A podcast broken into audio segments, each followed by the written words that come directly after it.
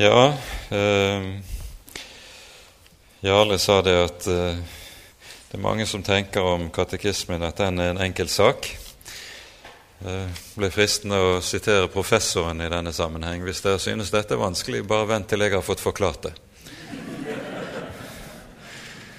Så, men vi skal altså prøve å fordype oss i eh, katekismen og litt av det som er katekismens setting, som den drar oss inn i i denne timen. Og så vil uh, Jim fortsette i den neste timen og uh, si noe om katekismens betydning for gudstjenesteliv og kristent liv og, i, og kall. Så, men la oss be sammen før vi går videre. Kjære gode Herre, vi takker og lover deg for ditt gode ord, at du kommer til oss igjennom ordet, og at vi skal få lov til å lære deg selv å kjenne. Takk at du vil være vår Gud. Takk at du har bøyet deg til oss og gitt oss syndenes forlatelse. Takk at du lar din nåde være ny imot oss hver morgen og at du også har lovet for Jesus skyld, og alt vårt liv og alle våre dager i dine gode hender. Så ber vi at du vil være hos oss med din Hellige Ånd, og åpne våre hjerter, at ditt ord får lov til å gjøre sin gjerning hos oss. Amen. I um, overskriften til um, denne timen så sies det følgende har vi vokst fra vår lille katekisme, Saksen 1528 versus Norge 2014. Ehm, dette kan kanskje fortone seg som noe kryptisk for eh, en del dersom man ikke kjenner til bakteppet for eh, lille katekisme. Bakteppet er nemlig det at i 1528 så har Martin Luther vært på rundreise i eh, kurfyrstendømmet Saksen, som jo Wittenberg hørte til. Eh, han har vært på visitas rundt omkring i de lutherske menigheter sammen med sin medarbeider Philip Melanchthon. Og her gjør han eh, erfaringer som forskrekker ham alvorlig. Han eh, skriver, i, og dette hører vi i innledningen til eh, Lille katekisme, eh, sies følgende Martin Luther ønsker alle trofaste og fromme sogneprester og predikanter nåde, barmhjertighet og fred i Jesus Kristus, vår Herre. Den beklagelige og jammerlige nød jeg for kort siden, tid siden ble vitne til, da også jeg var med og visiterte menighetene, har drevet meg til å lage denne katekisme eller kristenlære i en slik kortfattet, enkel og lettfattelig form. Å du gode Gud, all den elendighet jeg har sett. Den alminnelige mann, især på landsbygden, har ikke den minste kjennskap til kristenlæren og mange sogneprester er dessverre ganske uskikket og udugelige til å undervise.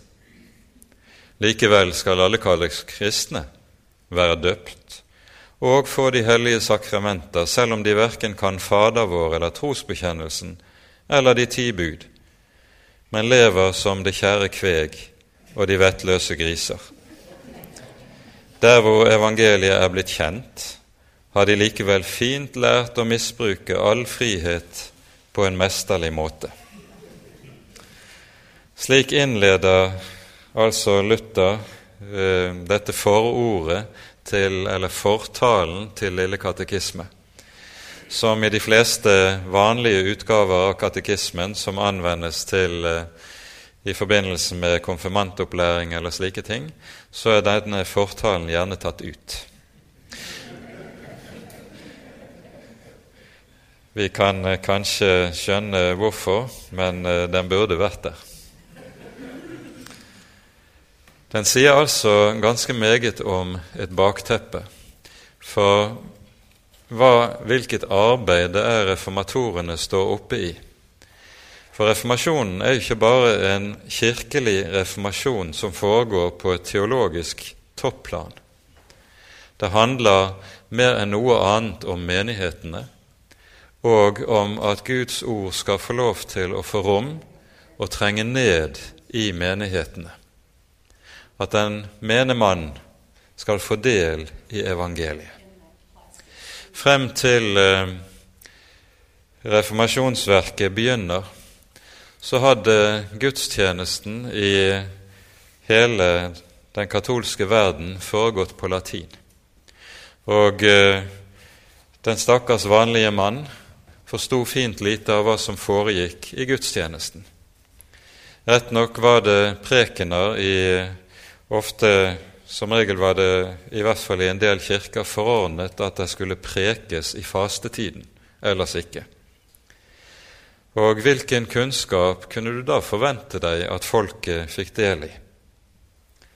Det er jo av dette som denne tingenes tilstand vi har uttrykket hokus pokus hos oss.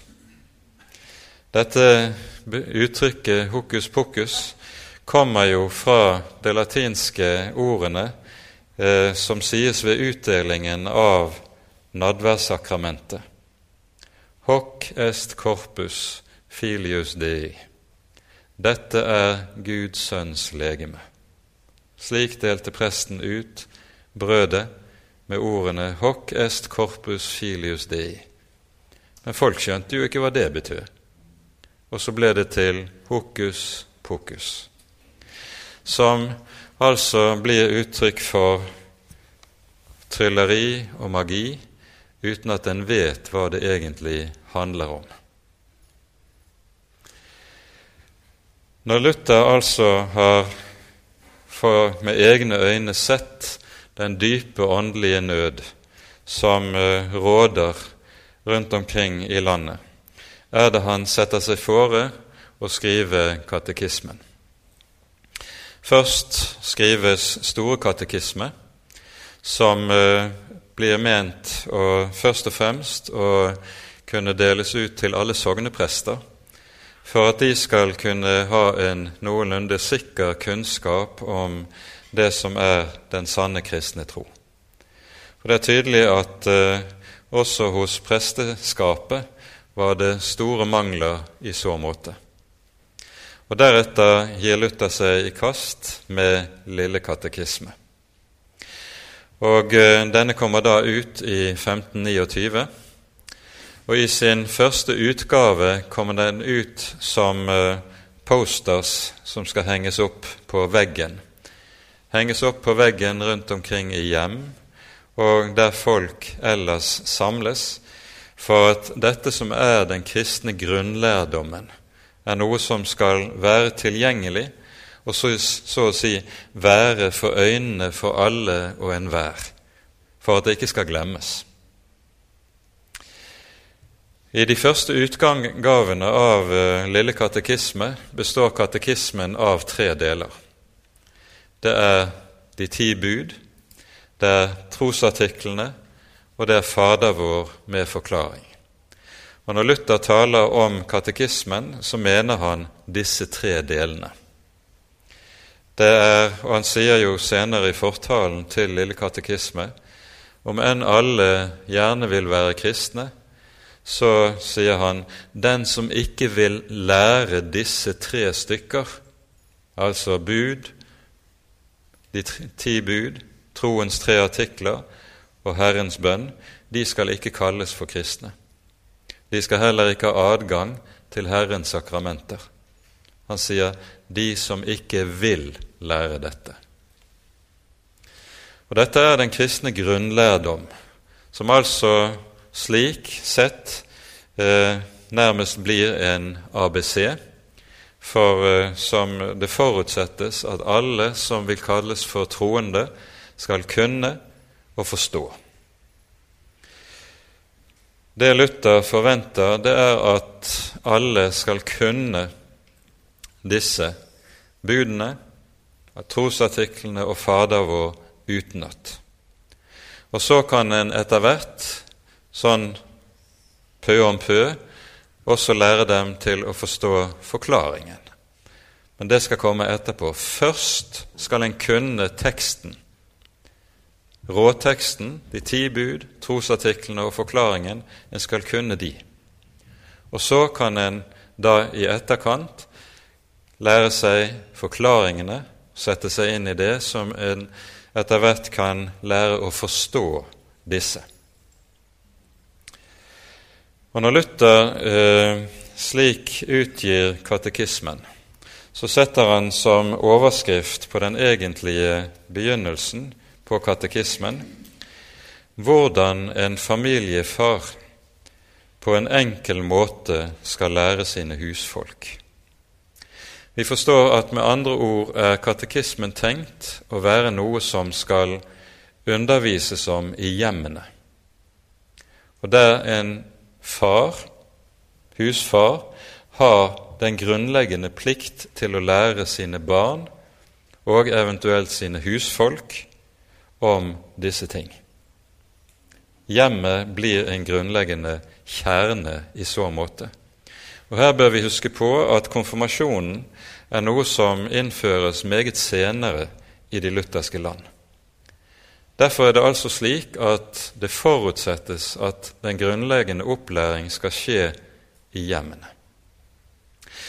Og denne grunnopplæring, den eh, Her er det slik at Luther, når han taler om dette, så viser han til det sentrale avsnitt i Femte Mosebok hvor vi hører om samme sak. Og vi tar oss tid til å lese dette. Det femte Mosebok, sjette kapittel, der vi hører denne teksten som kalles for Israels trosbekjennelse, Shema, og der vi altså hører følgende. Hør, Israel, Herren er vår Gud, Herren er én. Og du skal elske Herren din Gud av hele ditt hjerte og av hele din sjel og av all din makt. Disse ord som jeg byr deg i dag, skal du gjemme i ditt hjerte, og du skal innprente dem i dine barn.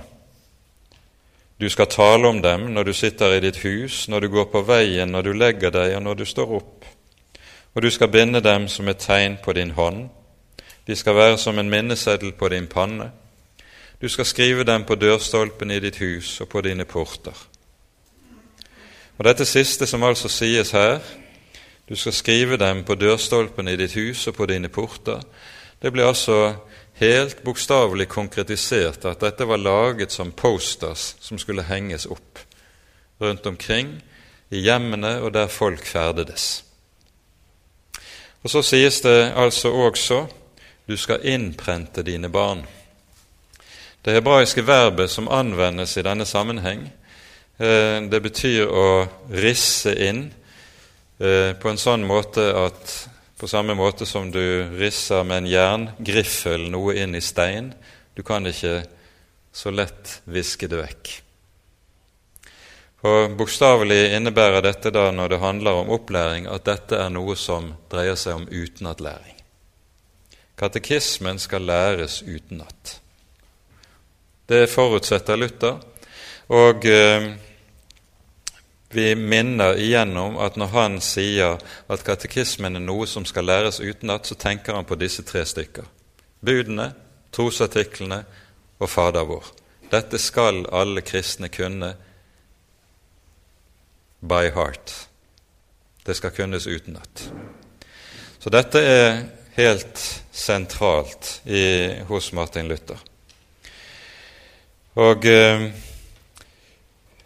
vi har for øvrig på norsk mark eh, utgitt eh, denne boken med beretningen om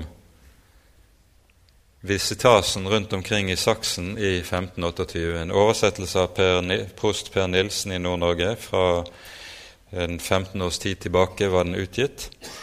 Og her eh, gir Luther både et, en kort sammenfatning av det som er kristen tro, og som senere kommer i Store katekisme, samtidig som han også gir en kort ordning for hvorledes Kirken skal innrede seg når det gjelder sin undervisning og praksis.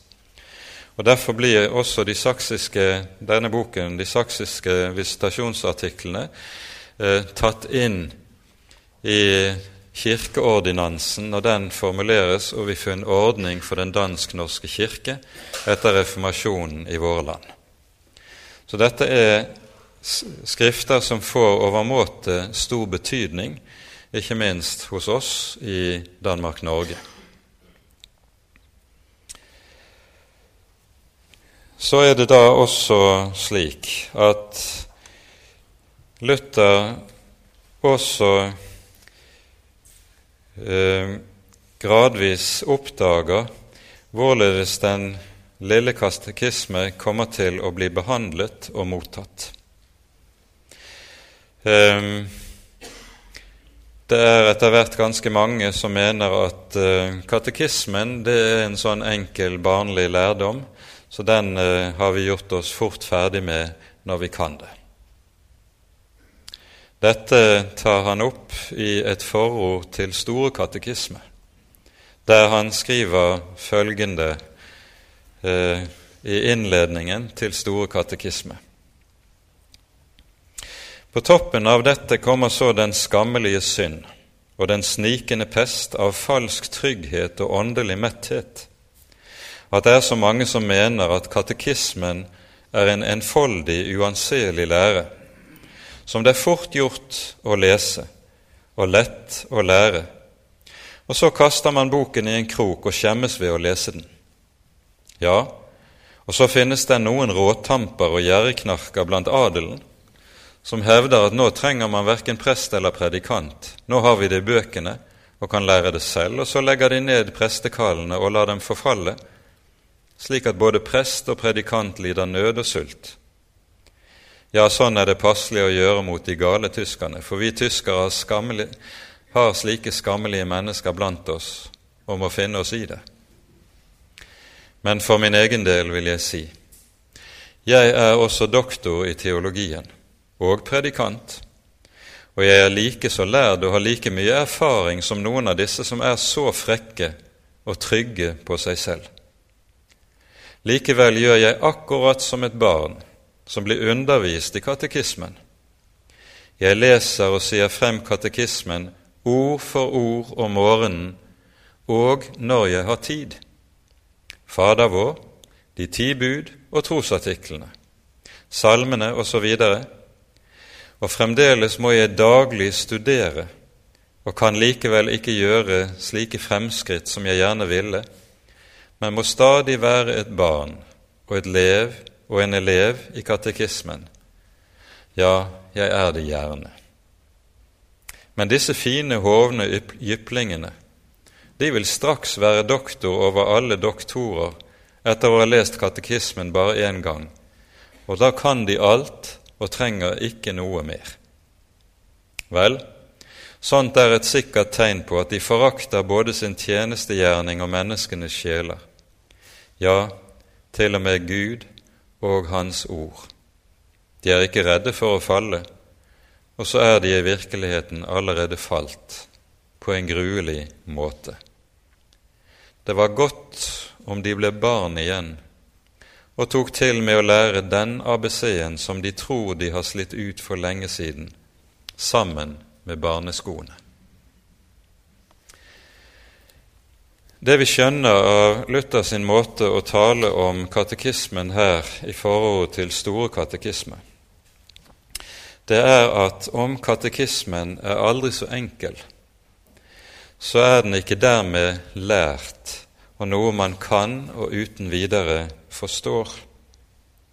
Det er noe som en kristen ikke vokser ut fra eller bort fra og slik blir ferdig med men det er noe som en kristen må vokse stadig dypere inn i. Og derfor trenger stadig å ha for øye når det gjelder disse grunnleggende hovedsannheter.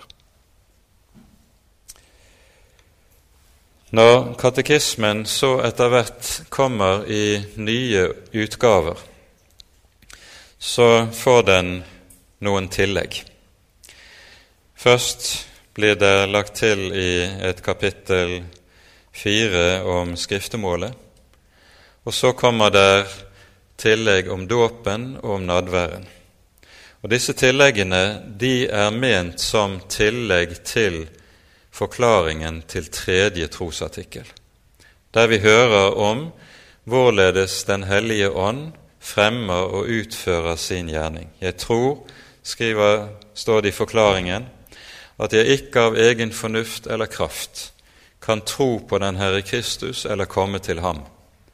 Men Den hellige ånd har kalt meg ved evangeliet, helliggjort meg ved sine gaver og holdt meg fast i den sanne tro. Og på samme måte gjør han med hele den kristne menighet.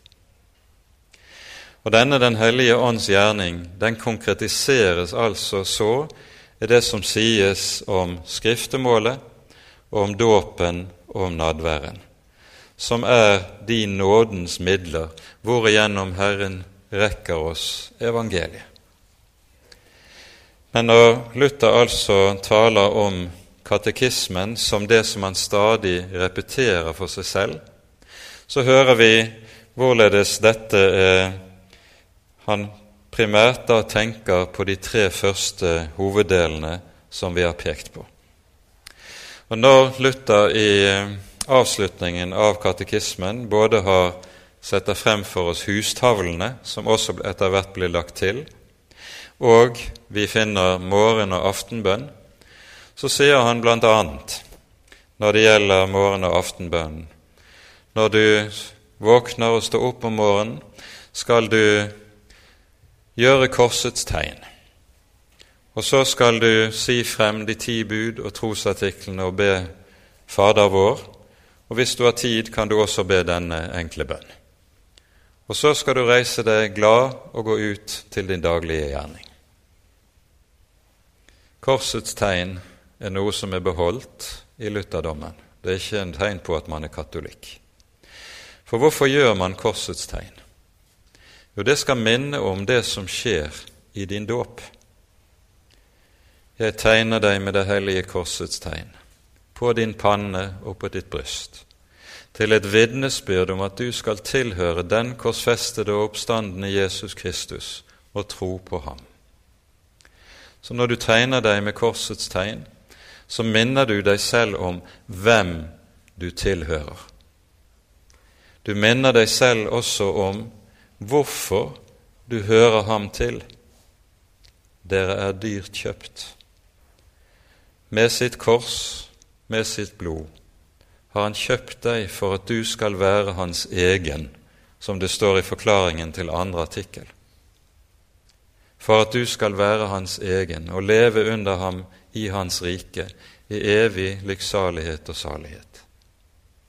Dette er det som gis og rekkes og som vi minner oss selv om ved korstegnet.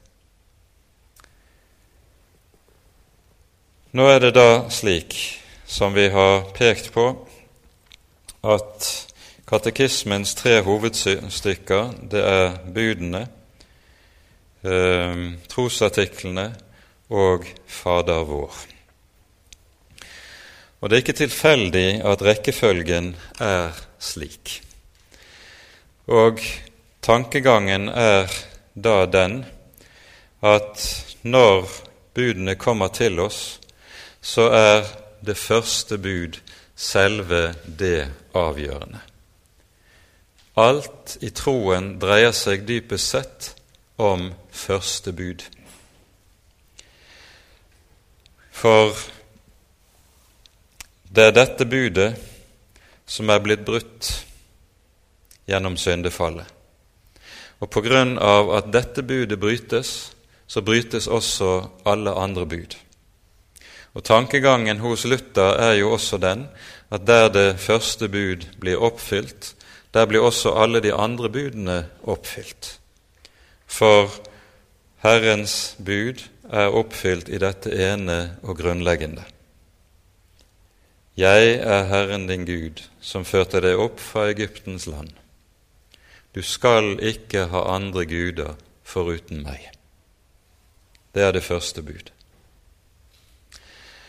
Og når trosartiklene så kommer, så er troen det er oppfyllelsen av første bud.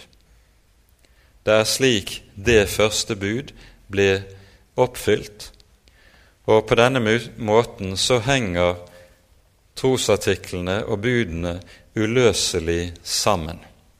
I det katekismen med troens artikler vil lære å vise og hjelpe oss til, nettopp dette at Herren skal få være vår Gud, og Han skal få være Gud alene. For det er bare ved troen at første bud kan oppfylles. I fallets verden kan det ikke oppfylles på annen måte. For det troen gjør, det er å tilegne seg den Herre Jesus og hva Han har gjort. Og når troen tilegner seg Jesus, så tilegner den seg også det at han i vårt sted har oppfylt Guds lov fullkomment på dine og mine vegne. Når budene er så avgjørende i, i eh, katekismen at de er plassert først, så henger det også sammen med både en eh, kirkelig tradisjon som har gjort seg gjeldende gjennom hele middelalderen. Eh, det var flere katekismer ute og i omløp, eller noe som lignet en katekismeopplæring gjennom middelalderen. Så Luther går, når han skriver sin lille katekisme, inn i en flere århundrig eh, tradisjon. Men samtidig så får Lille katekisme en helt annen betydningsinnhold i og med det grunnleggende som skjer under reformasjonen. Og at budene altså får denne grunnleggende plassering og rolle i Lille katekisme, det henger også sammen med en bestemt erfaring, som nevnt, som skjedde under visitasreisen.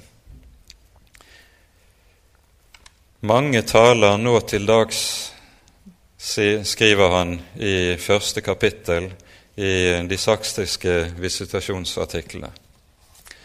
Mange taler nå til dags bare om syndenes forlatelse. De sier intet eller lite om boten, enda det ikke er noen syndenes forlatelse uten bot. Syndenes forlatelse kan heller ikke forstås uten boten. Dersom man forkynner syndenes forlatelse uten boten, blir følgende at folk mener de allerede har oppnådd syndenes forlatelse, og de blir på denne måten holdt sikre og fryktløse. Dette er en større villfarelse og synd enn alle andre villfarelser som har vært før denne tid.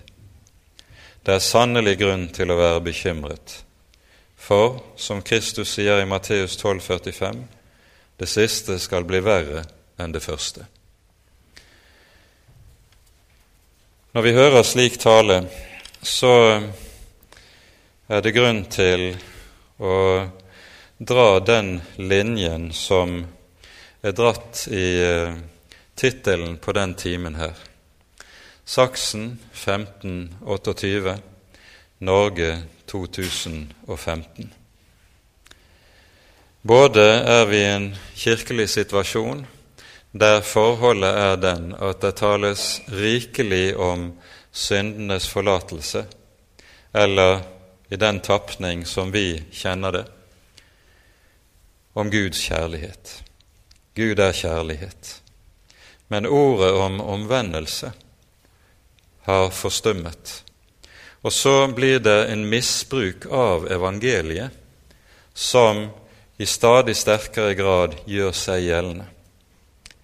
Den åpne folkekirke man ønsker seg og propaganderer for i våre dager, det er en folk, åpen kirke som preker en Gud som er åpen for alt, og slett ikke krever menneskets omvendelse. Omvend dere og tro evangeliet, lyder evangeliets resymé av det som var Jesu forkynnelse, like som det også var døperen Johannes' forkynnelse. Omvend dere og tro. For dette er den kristne tro. Å forkynne tro, syndenes forlatelse uten omvendelsen, det er å misbruke evangeliet, slik Luther også sier, eller kommenterer det i en av setningene i innledningen til Lille katekisme som vi har lest. Og det å tale omvendelse, det er uomgjengelig nødvendig i forlengelsen av budene. For det er jo det budene krever. Det krever menneskets omvendelse. Og Her er det viktig å være oppmerksom på det som er budenes form, slik som de er talt i Den hellige Skrift. Du skal, lyder det. Du skal ikke, sies det. Måten dette er formulert på i den hebraiske teksten, er den sterkeste måten et utsagn kan formuleres på i det hebraiske språk. Det kan ikke formuleres på sterkere vis. Du skal. Gud sier ikke 'kan du tenke deg å gjøre slik og slik'? Han parlamenterer ikke med oss og sier 'du må skjønne at det er best for alle parter om du gjør slik og slik'. Nei, når Gud taler som han gjør og sier 'du skal', du skal ikke, så trer Gud frem for oss som det Han er. Han er Gud, og du og jeg er mennesker som skylder den levende Gud regnskap for våre liv. Det er jo det som er saken. Og Derfor er Gud den som har rett til å si 'du skal'. Du skal ikke. Og det står der ganske uavkortet. Og Gud ber ikke om unnskyldning for at han krever dette av hvert menneske. For dette gjelder hvert menneske. I den tiden jeg var prest i Den norske kirke, og da hadde konfirmanter i den settingen, så stilte jeg eh, gjerne innledningsvis når jeg fikk nye konfirmantkull, konfirmantene spørsmålet eh, Hvem tror dere at de ti bud gjelder for? Ja, det var stort sett allmenn enighet om at de ti bud gjelder for alle som tror på Gud, altså alle som bekjenner seg som kristne. Da, når jeg da sa med stor styrke det stemmer nok ikke. Gud krever at alle mennesker skal oppfylle de ti bud, enten de tror på ham eller ikke. Gud sier også til den som ikke tror på ham, du skal ikke ha andre guder enn meg. Den som ikke tror på ham, vil på den siste store dag få seg en forskrekkelse når den levende Gud krever han til regnskap for at det som har vært hans Gud, det har vært hans eget ego i stedet. For det er uvegerlig det som skjer med mennesker, der den levende Gud ikke får være Gud, trer det menneskelige ego i Guds plass. Mennesket guddommeliggjør seg selv og setter seg i hans sted så er det altså slik at denne budenes form, du skal og du skal ikke, det er noe som etter sin egen form plasserer oss mennesker i det som er den rette stilling i forhold til Han som er Gud. Der disse bud får lov til å lyde uavkortet, der blir Gud Gud og jeg blir Gud skyldig. fordi jeg er støv, frembrakt av Hans hånd, og skal svare ham regnskap for mitt liv. Budene definerer med andre ord det som er selve grunnforholdet mellom Gud og mennesker. Og uten at dette grunnforholdet får lov til å defineres, så blir det umulig også å tale rett om troen når troens artikler kommer derefter. Det hører uløselig sammen.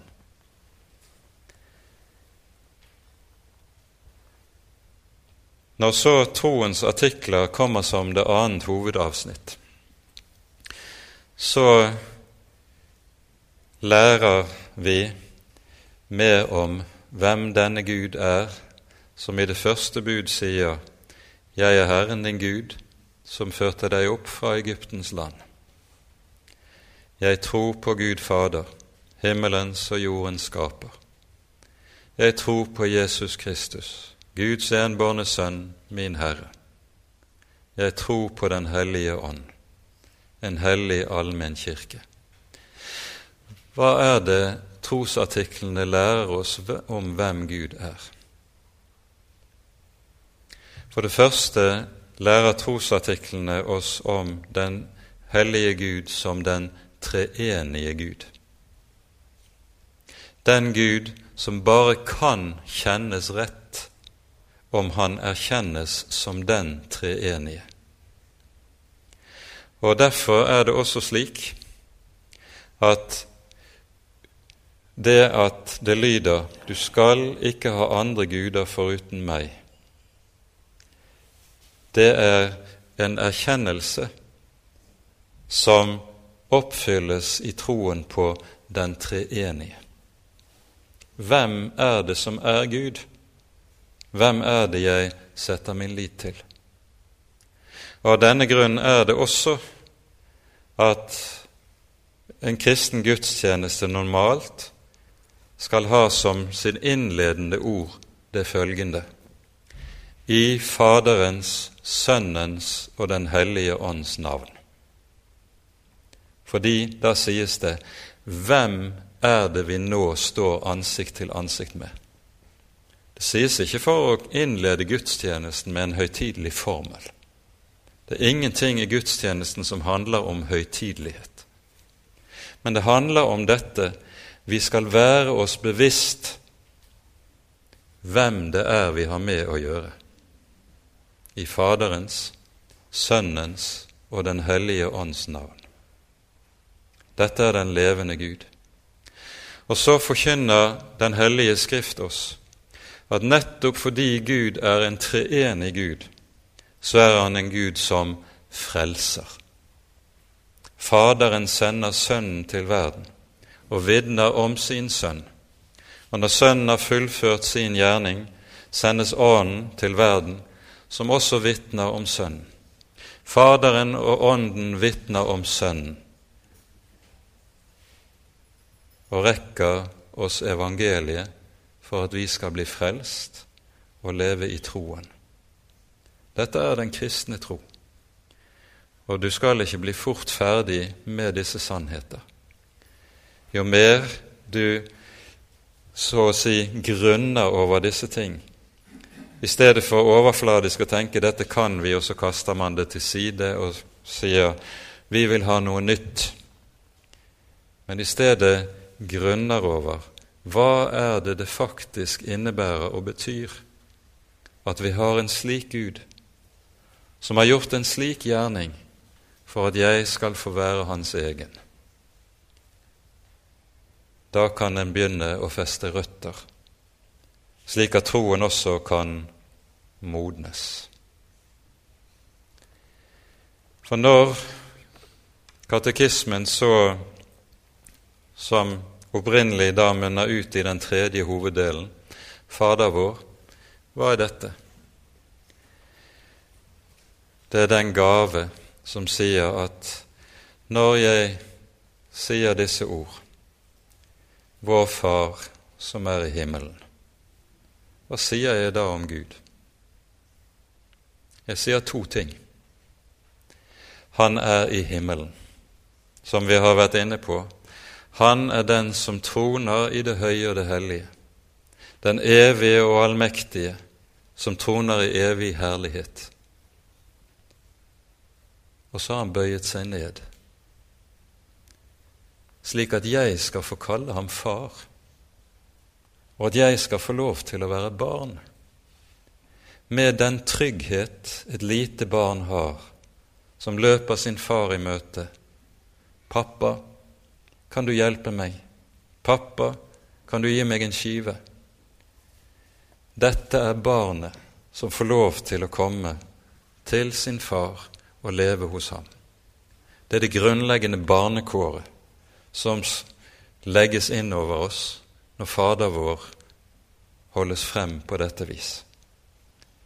Og så lærer vi hva kristen bønn er, for i Fader vår er alt lagt inn som en kristen overhodet behøver å be om. Fader vår er selve den grunnleggende mønsterbønn. Alt er gjemt i den. Og så er Fader vår heller ikke noe som du fort blir ferdig med, men noe som du skal få lov til å grunne over hele ditt liv. Og så stadig oppleve i større utstrekning og større dybde hva dette egentlig innebærer. Å være barn hos slik en far, hos slik en Gud, at Han som troner i det høye og det hellige, vil være vår. Det har vært noe av en kilde til dyp frustrasjon og fortvilelse I en periode jeg var i syv år lærer ved bibelskolen på Bildøy, å oppleve og se hvorledes ungdom kom til bibelskolen og var så godt som helt blanke når det gjaldt kristen kunnskap. Svært mange, kanskje flertallet av disse ungdommene var vokst opp i kristne hjem, hadde vært med i kristent ungdomsarbeid, søndagsskole til og med. De kunne ikke Fader vår, en god del av dem. De kunne slett ikke troens artikler. Og ba du dem om å fremsi de ti bud, så kunne kanskje noen første bud. Så visste noen at det var noe som het 'du skal ikke slå i hjel'. Men det var ikke mange som kunne dette. Hva er det som har skjedd når lille katekisme, som er så grunnleggende og så enkel. Det er jo så enkelt, dog ikke blir undervist i hjem, i kristent arbeid, slik at ungdom kommer når de er forbi gymnasstadiet og skal inn i studiet, så kan de ikke disse ting. Profeten Hosea sier i eh, sin bok i det fjerde kapittelet følgende Mitt folk går til grunne fordi de ikke har kunnskap.